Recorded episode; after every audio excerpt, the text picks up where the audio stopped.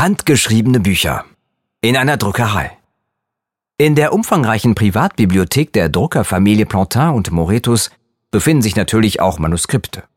Der Drucker Christoffel Plantin und die erste Generation nach ihm kauften diese Werke, weil sie ihnen nützlich waren. Sie enthielten Texte, beispielsweise von griechischen und römischen Autoren, die sie drucken und herausgeben wollten. Spätere Generationen der Familie Moretus legten eine Sammlung schöner Handschriften wie Bibeln und Gebetbücher an, weil sie Gefallen daran fanden. Sehen Sie sich auch einmal die wunderschönen Miniaturen an.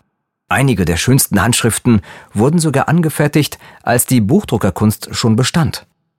Die heutige Sammlung des Museums umfasst über 600 Exemplare vom 9. bis 18. Jahrhundert.